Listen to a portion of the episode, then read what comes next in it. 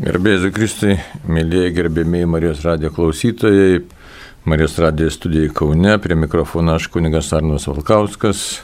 Ir smagu, ir džiugu, ir, ir, ir tikrai, tikrai nuostabu būti kartu su jumis, kad dar galim tęsti tikėjimo kovą, dvasios kovą, evangelizacijos kovą. Na, prieš kalbėdami pasimelskim vardant Dievo Tėvų ir Sūnaus ir Šventosios dvasios amen viešpė Dieve atnešam viską į tavo akivaizdą, savo gyvenimą, tiesiog ateinam patys, tikrai esam tavo vaikai, tavo žmonės, tavo tauta, kurios tu pašaukiai iš tikrųjų amžinajam gyvenimui, padėk tai suprasti, kad tu mus pašaukiai amžinajam gyvenimui ir viską, ką darome, kad šiame pasaulyje ar laidos, ar, ar valgom, ar geriam, kaip apaštalas Paulius sakė, kad viskas būtų suderintas su to pagrindiniu tikslu būti tavo akivaizda, būti tavo žmonėmis, kurie keliauja pas tave, kad neprasilenktume su tavimi, neskaudintume tavęs, bet atvirkščiai atsilieptume tavo valią, atsilieptume tavo kvietimui, tikrai taptume tavo žmonėmis visomis prasmėmis. Ir šitą laidelę pašvenčiam tau, kad jinai šviestų mus, leistų giliau pažinti tikėjimo turinį ir vestų tikėjimo keliu. To prašome per Kristų mūsų viešpatį. Amen. Taigi, brangieji, dabar žvelgsime į katekizmą. Tai, tai dabar toks būtų skirsnelis visos Evangelijos apibendrinimas. Tėvė mūsų malda, tai yra visos Evangelijos apibendrinimas. Ką tai reiškia? Na, iš tikrųjų, tėvė mūsų malda mes, kai kalbam, tai esam prie jos jau labai labai pripratę. Įpratę tiek, kad drįščiau sakyti, kad daugeliu atveju mes ją sukalbam autopilotu, sukalbam na, tiesiog greituoju būdu.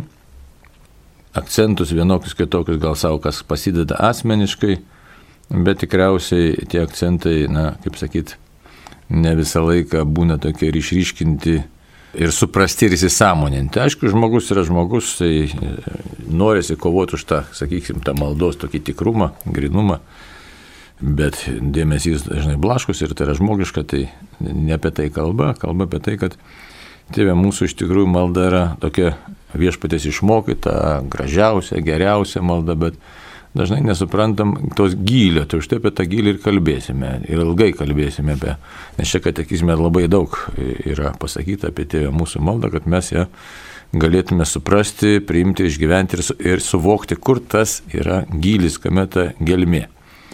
Tai po truputį čia po lašelį pasižiūrėsime, ne? Dabar paskaitykim tekstą, reiškia, čia pirmas skirsnis, kalbant apie tėvą, mūsų visos Evangelijos apibendrinimas yra 2761 numeris, kuris kalba šitaip. Viešpės malda iš tikrųjų yra visos Evangelijos apibendrinimas. Taip, čia pagal Tertulioną, Deoracionė Tertulionas apie maldą parašė veikalą. Viešpas kaip testamentą palikęs mums tą maldos formulę dar pridūrė, prašykite ir gausite. Čia nuoroda į Jono Evangeliją 16 skyrių 24 eilutę. Tad kiekvienas nelygų prašymas gali kreipti dangų įvairias maldas, bet visada pradėti viešpės malda, kuri išlieka pagrindinė. Taip pat ir Tulionas, taip pat apie maldą. Dabar kodėl apibendrinimas? Todėl, kad mes jau čia sakiau, kaip čia reikėjo, taip iškart jau tikrai neatsakysim, tai čia tik tai toks įvadinis mūsų pasakymas, toks pabrėžiantis, nurodantis terminas. To paties Tertulijono. Dabar apibendrinimas kad tikrai telpa esminiai tikėjimo turinio dalykai maldoje tėve mūsų. Kaip čia suprasti? Ne? Už tai, kad pirmiausia mes išgyvename, kalbėdami tėvę mūsų, ką? Galėtume tokį klausimą savo iškelti, paklausti savęs, ką mes galime čia išgyventi. Ir išgyvename realiai, arba esam kviečiami per tą maldą išgyventi. Iš tikrųjų, esam kviečiami išgyventi santyki su Dievu ir išgyventi pasirodo naujų iki tol, iki Jėzaus, iš tikrųjų tokių neišgyventų būdų. Labai mums šiandien galbūt tai atrodo keista, kaip tai dabar, nes Senajame testamente mes randame rasim ir matysim čia sklaidydami katekizmo toliau puslapius, kad tikrai vadindavo tikintis žmonės Dievą savo tėvų. Tačiau vis dėlto skiriasi Naujojo testamento tėvystės samprata nuo Senojo testamento tėvystės sampratos ir gilumo išgyvenimo.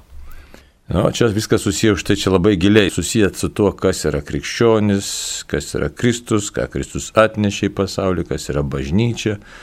Galima daug tokių dėmenų dėstytis ir žiūrėti juos ir juos tiesiog apsvarstyti, žiūrėti, kuris pirmesnis, kuris antrasnis, tie dėmenys. Tai žiūrėkit, kas yra Kristus, kas yra žmogus, ką reiškia būti bažnyčia, ką reiškia būti pakrikštytų ir taip toliau. Ir štai tėvą mūsų, kai pradam tėvę mūsų, tai žiūrėkit, vien tas žodis tėvas jau vertas didžiausio dėmesio. Kaip tai mes drįstame ir drąsiai, ar nedrasiai, ar su kažkokiu tai tokiu įtampa, ar be įtampos, ar su gailiš, ar su liūdėsiu, ar su pasitikėjimu, ištarti šį terminą, tą žodį, iš tikrųjų vardą tėvę. Mūsų vėl kitas yra ne, dalykas. Taip čia vėlgi jau primenu trečią kartą, kad nesigilinkim dabar per nelikį atskirus žodžius, tačiau, sako, palikęs kaip testamentą, palikęs mums maldos tą formulę. Jėzus dabar kada jisai tuos savo mokinius moko tėvę mūsų maldos. Tada, kai mokiniai patys paprašo, iš tikrųjų išmokyk mus melstis. Jie mato dažnai besimeldžiantį viešpatį Jėzų, kas už to slypi, už tos prašymo. Kad štai mato mokiniai, kad Jėzaus malda yra kitokia negu tuo metu izraelitų maldos, kitokia negu šventyklos kunigų maldos. Kitoks Jėzaus gyvenimas, kitoks Jėzaus skelbimas. Ir kaip šventame rašte skaitome, kad matė, kad Jėzaus veikla yra būtent su gale. Taigi Jėzaus malda su gale. Ir e, dažnai e, Evangelijose mes e, sklaidydami randame, kaip dažnai sakau, nu, tiesiog randame, kad štai Jėzus nuėjęs vienas meldėsi, buvo naktį maldoje su tėvu, ar pasišalinęs šiek tiek nušaliau meldėsi. Kitaip tariant, santykis su tėvu yra pastovus ir jam skiriama tikrai daug dėmesio. Nesus, aišku, ir santykis su žmonėmis irgi apstus labai įdomu, ne, tai viešpats Jėzus ir apsuptas žmonių minios įspaudžia, minios aplink jį ir minios eina paskui, ir minios ieško pagalbos. Tai todėl tas vėlgi santykis toks atrodytų su tėvu, kodėl santykis. Todėl, kad Jėzus atėjo, savo misiją atlieka būtent būdamas santykė su tėvu. Ir štai krikščionis, apaštlai, būtent, aišku, krikščionis yra, kurie prašo, dovanok, gal net sakytume šitaip, mums galimybę būti tokiame santykė, drįstume tai pasakyti, ne, tokiame santykė galbūt kaip tu, gal samoningai, netiek samoningai, tiesiog nusižiūrėjai į Jono Krikščitojo mokinius prašo būti išmokyti maldos. Todėl Jonas čia, tiksliau pridedami Jono Evangelijos žodžiai, prašykite ir gausite. Tėvė mūsų, aiškiai, malda susijusi su pastovumu, nuosekliu tokiu pastovumu. Apie ką čia vėl kalba būtų tos giluminis dalykas? Vėlgi tas pats žodis santykis, santykis, santykis. Čia labai svarbus dalykas mums nudien, iš tikrųjų mūsų nudino krikščionėms, mums katalikams, visiems turėtų būti tikintiesiems žmonėms kurie išpažįsta Kristų, tikrai labai svarbus žodis šitas santykis. Kodėl dabar? Todėl, kad neretai įsibrauna į tikėjimą rutina. Kartais ta rutina pasislėpia po tradicijos šydų ir kartais žmonės įma supriešina tradiciją ir, ir santykių su Dievu. O šito daryti nereikėtų, reikėtų žiūrėti būtent, ką darė mokiniai, ką, ko Jėzus mokė, prašė išmokyk melstis ir malda susijusi su pastovumu. Taigi rutina maldoje gerąją prasme yra reikalinga. Liturginės apraiškos yra reikalingos, tradicijos buvimas yra reikalingi dalykai, kad galėtų palaikyti tam tikrą struktūrą, kuri jau yra paties Dievo duota bažnyčioje, įvairios tos struktūros, bet maldos struktūra, liturginė struktūra, bažnytinio to tokio veikimo struktūra kuri būtent ir leidžia buvoti tame santykyje, tokiame santykyje, kokio prašė apaštlai, prašydami išmokyk melstis ir ką Jėzus suteikė, mokydamas maldos tėvę mūsų. Tai todėl čia jokių dalykų supriešinti nereikia, čia reikia visiškai kitaip, ta, tiesiog paprastai, laisvai ir su džiaugsmu pasižiūrėti ir su sudėkingumu pasižiūrėti, kad štai viešpats Jėzus dovanoja maldą ir tą maldą kviečia, sudeda viską, iš tikrųjų, kas telpa tame santykėje būti tame žodėje būti santykė su tėvu telpa toje frazėje, toje konstrukcijoje. Ir dar yra labai svarbu, kad kviečia į tą maldos pastovumą, nes santykis turi būti pastovus. Tai yra mylinčių vienas kitą, svarbių vienas kitam asmenų santykis. Santykis su Dievu yra pats fundamentaliausias, pats svarbiausias santykis pasaulyje gyvenime, nes tai yra atliepiantis žmogaus būties gelmės santykis, tos gelminis tos troškimų santykis. Ir būtent tai, ką viešpats Jėzus išdėsto tėvė mūsų maldoje, tai ir atliepia į mūsų tą siekimą, į mūsų troškimą, tą, kuris įdėtas mūsų pačių būtyje, taip galim sakyti. Tad kiekvienas nelygų prašymas gali įkreipti į dangų įvairias maldas. Maldos visos geros, visos reikalingos, štai pabrėžiamas katekizmas ir čia nieko mes naujo neišrasim. Čia yra ir net čia ginčytis nereikia, kartais būna, kad žmonės, kuri malda geresnė, kuri prastesnė, bet čia Tertulionas sako, ne, Tertulionas moko mus. Štai žiūrėkite, visos maldos yra geros, tačiau pradėkime viską ir pabaigime netgi ir pradėkime viską viešpės malda, kuri išlieka pagrindinė, todėl kad joje sudėtas būtent tas Dievo ilgesys, teisingas žvilgsnis į Dievą, teisingas žvilgsnis į žmogų, teisingas žvilgsnis į save, teisingas žvelgiant iš Dievo pozicijos. Įsivaizduot, nes mes kartais patys galim sukurti įvairių tų savo teisingumo kriterijų, koordinačių sistemų ir panašių dalykų, bet tai nereiškia, kad tai bus tiesa. Tuo tarpu, tuo tarpu tai, ką Dievas daro ir ką Dievas mums suteikia, yra iš tikrųjų teisingi dalykai, kurie atliepia mūsų pačią geriausią kelmę dvasios, mūsų tuos siekimus esančius mūsų dvasiai. Toliau žiūrėkime į katekizmą. Centrinė vieta šventajame rašte. Ir čia yra 2762 numeris, kuris skamba šitaip. Šventasis Augustinas parodęs, kad psalmis yra pagrindinis krikščioniškosios maldos penas ir įsilieja į tėvę mūsų prašymus, taip užbaigia. Net jei ir visas švento rašto maldas peržiūrėsite, esu tikras, juose nerasite nieko, ko neapimtų ir neužbaigtų ta viešpatės malda. Čia išnaša pažymėta, kad Šventasis Augustinas epistulė 130 yra kažkoks tai Švento Augustino raštas, laiškas, kuris paženklinas 130 numerį archyvuose. Šventasis Augustinas, bažnyčios tėvas, nepaprastai svarbių personas, mo, iš tikrųjų, bažnyčios visame mokyme, struktūroje, taip kaip ir Tertulionas. Na, Augustinas iš visis E, tiesiog, na, paliko tiesiog Dievo malonę pašauktas, ne tas žmogus, kuris ir, ir, ir tam tikras klajonės patyrė, ir klaidas, ir nuodėmės, ir nuopolius, ir paskui Dievo pakeltas. Iš tikrųjų, tokį svarų indėlį įnešė į tikėjimo papliptimą ir sampratą pasaulyje. Tai štai jo žodžiai kokie yra, kad psalmės yra svarbus dalykas. Apie psalmės esame jau kalbėję, čia katekizmas plačiai išdėsti ir sako, kaip gražiai, ne psalmės yra pagrindinis krikščioniškosios maldos penas. Psalmės.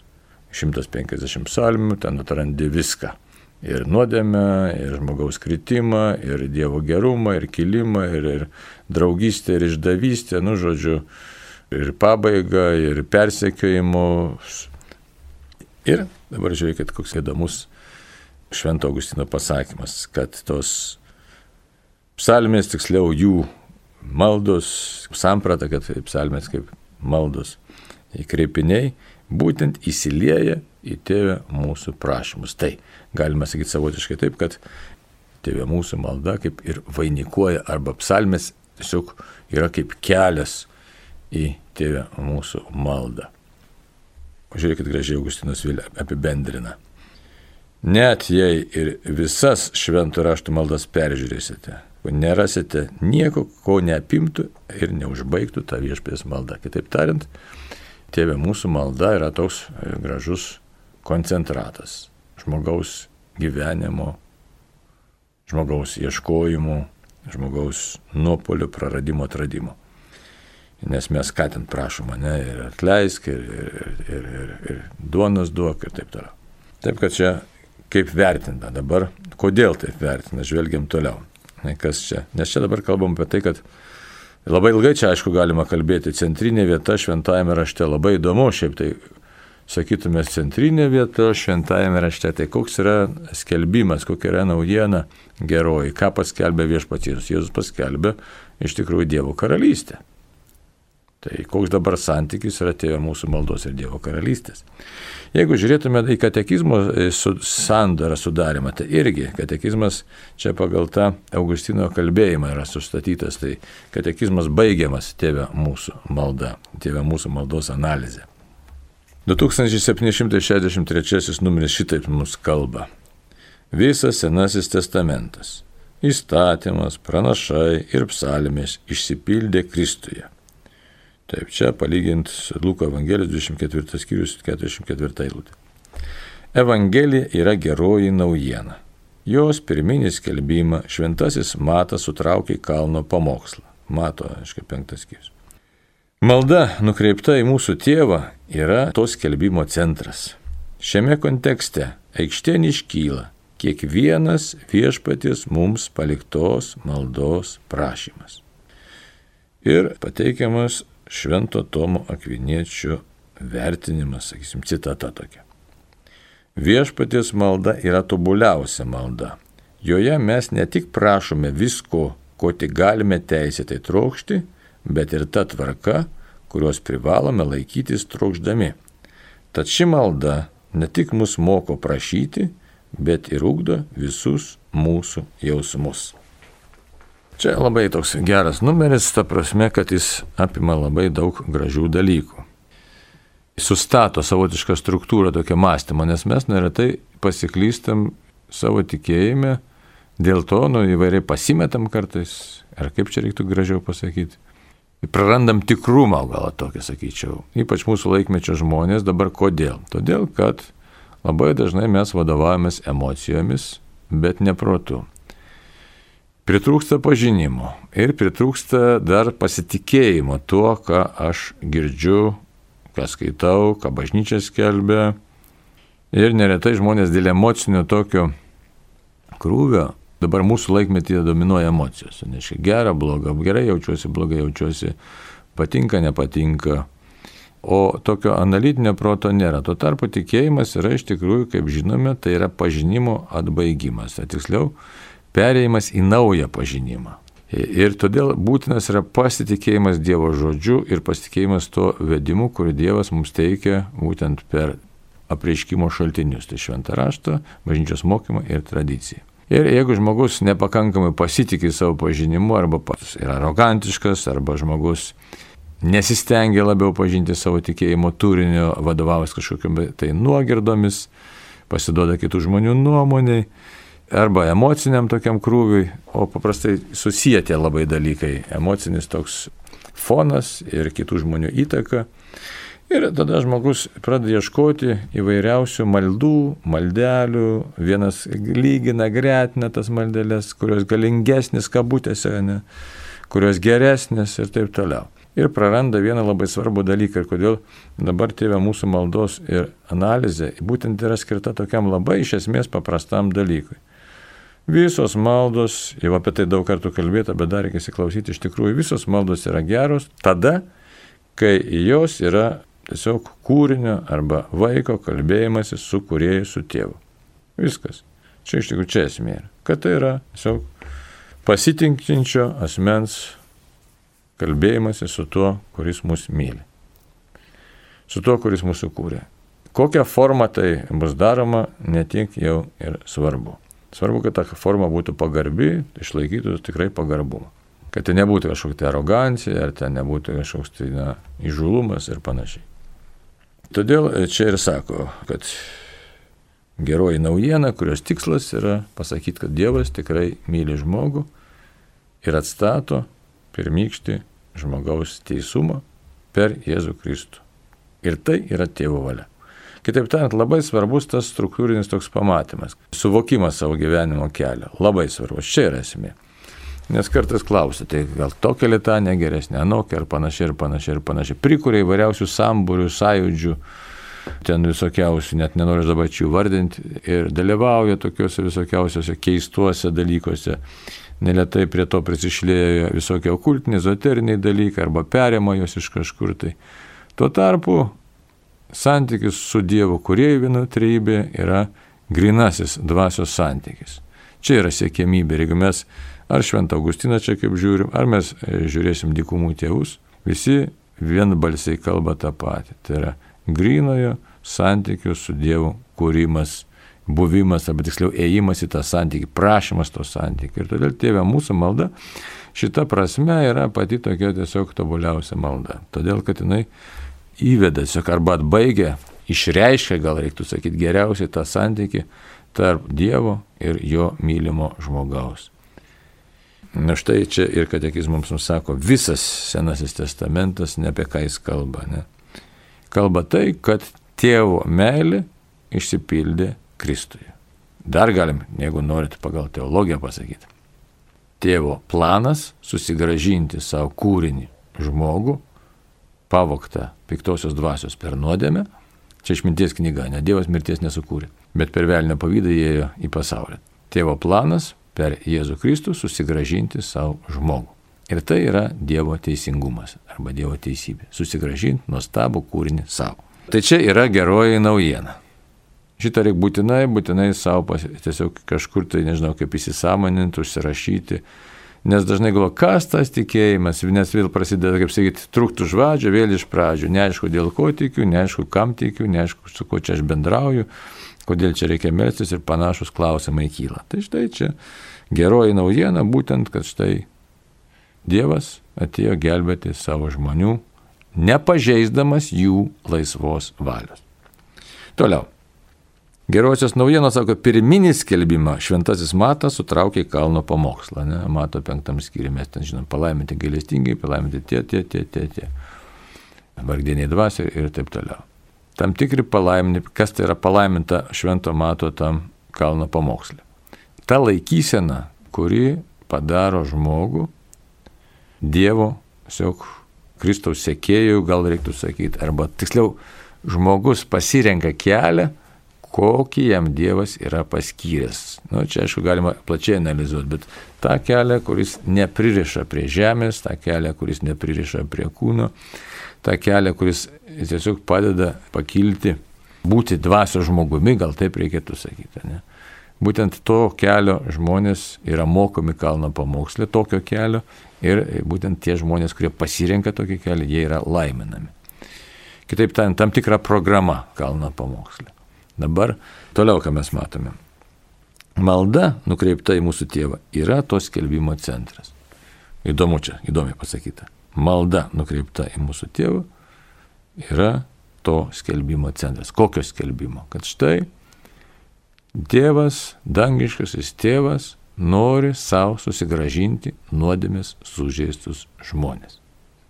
Ta jisai daro per Kristų, parodydamas mums kelią. Ir labai už tai sutampa, mato šitas kalno pamokslas, tie palaiminimai su, žiūrėkit, su kokiais momentais, galim šiek tiek užbėgti priekį, ne? Ir atleisk mums mūsų kaltes, kaip ir mes atleidžiame savo kaltininkams. Ne? Ką mes čia pagaunam? Pagaunam tam tikrą laikyseną. Kokią laikyseną? Mūsų čia esančių kol kas ant žemės gyvų žmonių laikyseną Dievo atžvilgių, atleisk mums mūsų kaltės. Ir mūsų laikysena šalia esančių žmonių atžvilgių. Įsivaizduoti. Kaip ir mes atleidžiame savo kaltininkams. Todėl kalno pamokslas, tėvė mūsų malda yra tampriai susiję, kadangi Vėlgi, dar kartą ir dar, dar kartą verta pabrėžti šitą momentą, kad tėvas nori susigražinti nuodėmę sužeistą žmogų savo, kad tas žmogus taptų laimingas. Ir tas žmogus esu aš. Įsivaizduojate, tai labai svarbu. Ir ne tik aš, bet šalia mane esančius, mano tėvus, brolius, seseris, senelius ir žodžiu visą mūsų aplinką, Dievas nori susigražinti savo, kitaip tariant, teikia laisvę nuo nuodėmės, ištraukia iš mūsų iš mirties, iš šetono gniauštų, ištraukia Dievas, bet tuo pačiu daro ir leidžia mums dalyvauti jo gyvenime ir daro tiesiog Dievo žmonėmis, per kuriuos Dievas taip pat nori, kad jis galėtų veikti, arba net dar daugiau. Dievas įgalina mus veikti taip, kaip jis pats, kaip Dievas, nes mes galim atleisti. Toks pasirinkimas kelio, toks, nu čia jau toks, aišku, reikėtų ir, ir pakalbėsime, jeigu Dievas leis, kada čia jau rimtas labai dalykas, kitaip Nes leidžia dalyvauti, kitaip tariant, Dievas savo buvime, savo gyvenime. Ir net ne tik atleidžia, bet kviečia ir įgalina. Toliau, šiame kontekste ištin iškyla kiekvienas viešpatės mums paliktos maldos prašymas. Todėl ir verta, ir reikia, ir katekizmas tą ir daro, ir darys, kad kiekvienas tėvė mūsų maldoje esantis prašymas vertas atskiro dėmesio ir atskiros analizės. Ir dabar ką Tomas Akvinėtis čia yra pasakęs. Viešpatės malda yra tobuliausia malda. Štai šiek tiek pradam prisiliesti prie to jo pasakymo, kodėl tobuliausia. Nes kol kas tai yra tokia tik tai frazė, ne tobuliausia ir mes čia E, nežinom, kodėl yra tobuliausia. Kad neliktų lozungas, tai reikia pasigilinti.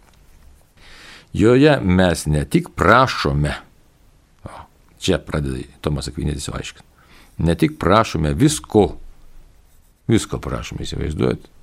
Iš tikrųjų, nes tėvas, čia prisiminam kitą vietą Jėzaus, ne palyginimus, ar gali ten tėvas duoti vaikui akmenį arba ten tą skorpioną, jeigu vaikui prašančiam ten ko kiaušinio ne, ir panašiai. Tai šitą, šitą vietą prisiminti verta evangelinė. Joje mes ne tik prašome visko, ko tik galime teisėtai trokšti. Žiūrėkit, čia kiekvienas žodis yra svarbus. Teisėtai trokšti. Tai yra kaip žmogus, kuris atsistoja Dievo akivaizdoje, kuris stengiasi būti teisus ir tada prašo jam gyvybiškai reikalingų dalykų. Toliau. Dar labai svarbus dalykas, vėlgi, ką mes neretai pamirštame gyvenime. Bet ir ta tvarka, prabyla Tomas Akvinis apie tvarką, tam tikrą tvarką dvasiniam gyvenime, dvasiniam kelyje. Čia labai svarbus dalykas, nes kartais mes galim net geriausių norų vedini dvasiniai kelioniai nepasiekti gražių rezultatų, gerų rezultatų, o ką tai reiškia nepasiekti. Na tai tiesiog netapti tais dvasios žmonėmis, kuriais Dievas nori mus padaryti, vien dėl tvarkos tokos jeigu mes nematome tos tvarkos, e, kurią Dievas mums nori apreikšti. Žiūrėkit, ką sako. Bet ir ta tvarka, kurios privalome laikytis trokšdami, labai čia rimtas pasakymas Tomo Kviničiu. Trokšdami gerų dalykų, mes privalome laikytis tam tikros tvarkos. Dabar kokios tvarkos, čia mes šiandien nespėsim pasižiūrėti, bet čia labai rimta yra iš tikrųjų. Labai rimta. Kaip pavyzdėlį to netikusio, sakysime, troškimo Noriu vaikam, noriu anūkam, kad laimingi būtų, ne. E, Savo, kad būčiau ten toks, anoks, trečioks, ne. O vis dėlto tai nėra teisingi prašymai. Pirmas dalykas, koks turėtų būti, ne, verta būtų pasvastyti, tai koks turėčiau būti tėv, Dieve tavo akivaizdoje, ko turėčiau trokšti tas prašyti, kad tapčiau tavo žmogumi, tuo žmogumi, kuriam tu na kaip net įvardinti save reikėtų, ne, kai mylimi tai mes visi esame, bet tokiu žmogumi, kuris atliepia Dievui, kuriame Dievas gali veikti, kuriame Dievas gali jau tikrai išsiskleisti šventoji dvasia gali veikti. Ko reikia, ne? kokiu keliu turi eiti, kad po truputį panašėčiau į Dievą. Taigi čia tvarkos klausimas pasirodo yra. Tai pirmas prašymas turėtų būti Dieve, noriu vykdyti tavo valią, kaip tėvė mūsų maldoja, ne? kaip Jėzus, kaip sakė, tiesie tavo valia, štai Tarkos klausimas, labai rimtas klausimas čia. Čia net trijų minučių klausimas. Toliau. Tad ši malda ne tik mus moko prašyti, moko prašyti, kaip pas tėvą prašyti, tėvą prašyti. Taip. Bet ir ugdo visus mūsų jausmus. Čia jau toks irgi labai platus pasakymas. Visus mūsų jausmus. Tai čia apie jausmus reiktų atskirai kalbėti. Kokius jausmus ugdo, ne? Ir dėkingumą, ne? Ir, ir, nes pirmiausia, mes turėtume būti dėkingi Dievui. Dėkingumo, šlovinimo jam jausmas, pagarbos Dievo jausmas. Pabaikim šiandien katekizmo komentarą šiame taške apie kalbėdami, kad turi būti kelyje į Dievą ir maldoje tam tikra tvarka ir labai svarbu net troškimus savo tam tikrą tvarką susidėstyti, o taip pat ir ugdyti jausmus, kurie lydi mūsų pamaldumą. Kas dar ten? Turime dar porą klausimų. Jeigu Dievas įsteigė tuos sakramentus, tai kodėl protestantai tik du pripažįsta, o ne septynis? Čia reiktų protestantą klausti. Problema yra iš tikrųjų patys protestantai su Liuteriu prieš akį, kurie yra, na, patinka, nepatinka, bet iš tikrųjų tokia paskaita čia Stachavo dar prieš kelią metus klausiau. Nu, iš tikrųjų, galim šnekėti drąsiai apie Šektono veikimą per Liuterį, tai va, to ne, ne, ne pažanga kažkokia bažnyčio, o apie... Dabar mes turim rezultatą, o dabar mes bendravom su Liuteronais, su Kalvinais, taip toliau, taip toliau. Tai bendravom su žmonėm, kurie pateko į tą istorinę situaciją. O šiaip tai bažnyčios skaldimas yra piktosios dvasios veikimas. Ir, Benediktas XVI apie tai labai aiškiai kalbėjo. Tai jeigu norit iš tikrųjų tikro ekumeninio bendravimo, prašom, bažnyčia visą laiką atvira. Atvira sugrįžimui, ta prasme. Dar vienas klausimas. Klausia klausytojas ir prašo paaiškinti, kodėl čipų negalima bus dėtis. Ir sako, kad dauguma žmonių nežino apie tai. Žmogus sukurtas pagal Dievo paveikslą ir panašumą laisva būtis ir žmogaus bet koks įsikišimas į kūną, kuris, reiškia, iš tikrųjų padaro žmogų kažkokios mašinos dalimi, yra neigiamas, nes tas pats pasakytina ir apie tatuiruotės, ir apie auskarus įvairiausius, nes žmogaus nereikia tobulinti, jis tobulai sukurtas ir padaryti žmogų priklausoma nuo kažko. Tai yra laisvės principo pažeidimas, nors šiandieniniam žmogui tai atrodo patogu, nes mes labai tiesiog iškėlėme pirmą vietą patogumą kažkokį tai, kad štai labai patogu, banko kortelė, niekas tavęs nepavoks, čia čipas įvestas, o tai tiesiog padarimas žmogaus jau nebe žmogumi, o kažkokiu tai aparatu. Žmogus turi būti atsietas, jis turi būti visą laiką visiškai laisvas, jeigu tai apibendrinčiai pasakyti būti savimi ir negali būti įrėmintas į nieką, ta prasme, į, į kažkokią tai sistemą. Čia, čia labai platus e, škai klausimas, nes iš vis ir sistemos, ir ideologijos galima plačiai klausti, ar žmogus vis dėlto dar yra šiandien laisvas, čia ne mano klausimas, čia yra filosofinis klausimas, kuris iškilęs. Ar dar yra kas nors? Paskutinis klausimas. Komentaras, jeigu žmogus meno mylėtojas tenkina aistrą lankydamas teatrus, koncertus, galerijas, viskas tvarkoj, Bet jeigu viengungis su kitais viengungiais tenkina lytinę aistrą, tai didžiausia nuodėmė - ištvirkavimas. Bet kur čia pikto darimas, kur čia blogis, pasimylėtai stringiams. Hmm, čia visiškai žmogus nesupranta, kas yra žmogus, vėl tas pats. Kas yra žmogus ir iš tikrųjų kam skirtas pašaukimas, koks yra žmogaus. Aiškiai, teatras yra spektaklis, o dabar lytinė aistra yra dauginimo aistra, kuris skirta visiškai kitiems tikslams. Aiškia, tai, bet pas mus, kadangi tiek jau susiniveliavo, vis, visą galėsim kada laikdelę paskirti šitam dalykui. Bet tiek yra suniveliuota žmogiška ta būtybė, arba kaip pasakyti, prarastas suvokimas, kas aš esu ir kokia prigimtis ir kam man skirta, kad žmogus pasidarė įrankis, tik tai reiškia savęs patenkinimo įrankis. Iš tikrųjų, jeigu kalbėt plačiau, tai net šeimoje, net jeigu vyksta tie santykiai, lytiniai santykiai be meilės, jau buvo tokia teorija net iškelta ir mokymas toks yra, kad tai iš tikrųjų ir psichologija tą pripažino, kad jeigu du žmonės, kurie net vyras ir moteris santykiavo net ne, ne prieš prigimti, bet tame nėra meilės, tai galima prilyginti iš tikrųjų abipusiai masturbacijai. Tai, o, o tai jau nebėra tikrasis santykis, kuris veda į dviejų asmenų susiliejimą, nes mes nesuvokiam vieno dalyko. Mes esam didžiulis liepinys. Žmogus yra stebuklas. Ir vyras ir moteris yra stebuklas. Ir viskas čia yra stebuklas. Kartais žmonės mums prašo, parodyk stebuklą. Aš pasakysiu paprastai, pirštą pajudinai ir tai yra stebuklas. Kraujas teka gyslomis ir tai yra stebuklas. Viskas čia yra. O žmogus tiek apsiprato, jis nebesuvokia, kur jisai dalyvauja. Tai viskas, žiūri, laikas sekundės liko. Ačiū, brangieji. Duok Dieve kad šventoji dvasia mus apšviestų ir mes tikrai rastume tinkamus atsakymus. Ir ačiū visiems už bendrystę, būkim palaiminti. Ir neėskime vieni kitų, kaip sako šventasis raštas, o mylėkime, mokykime meilės. Sudė.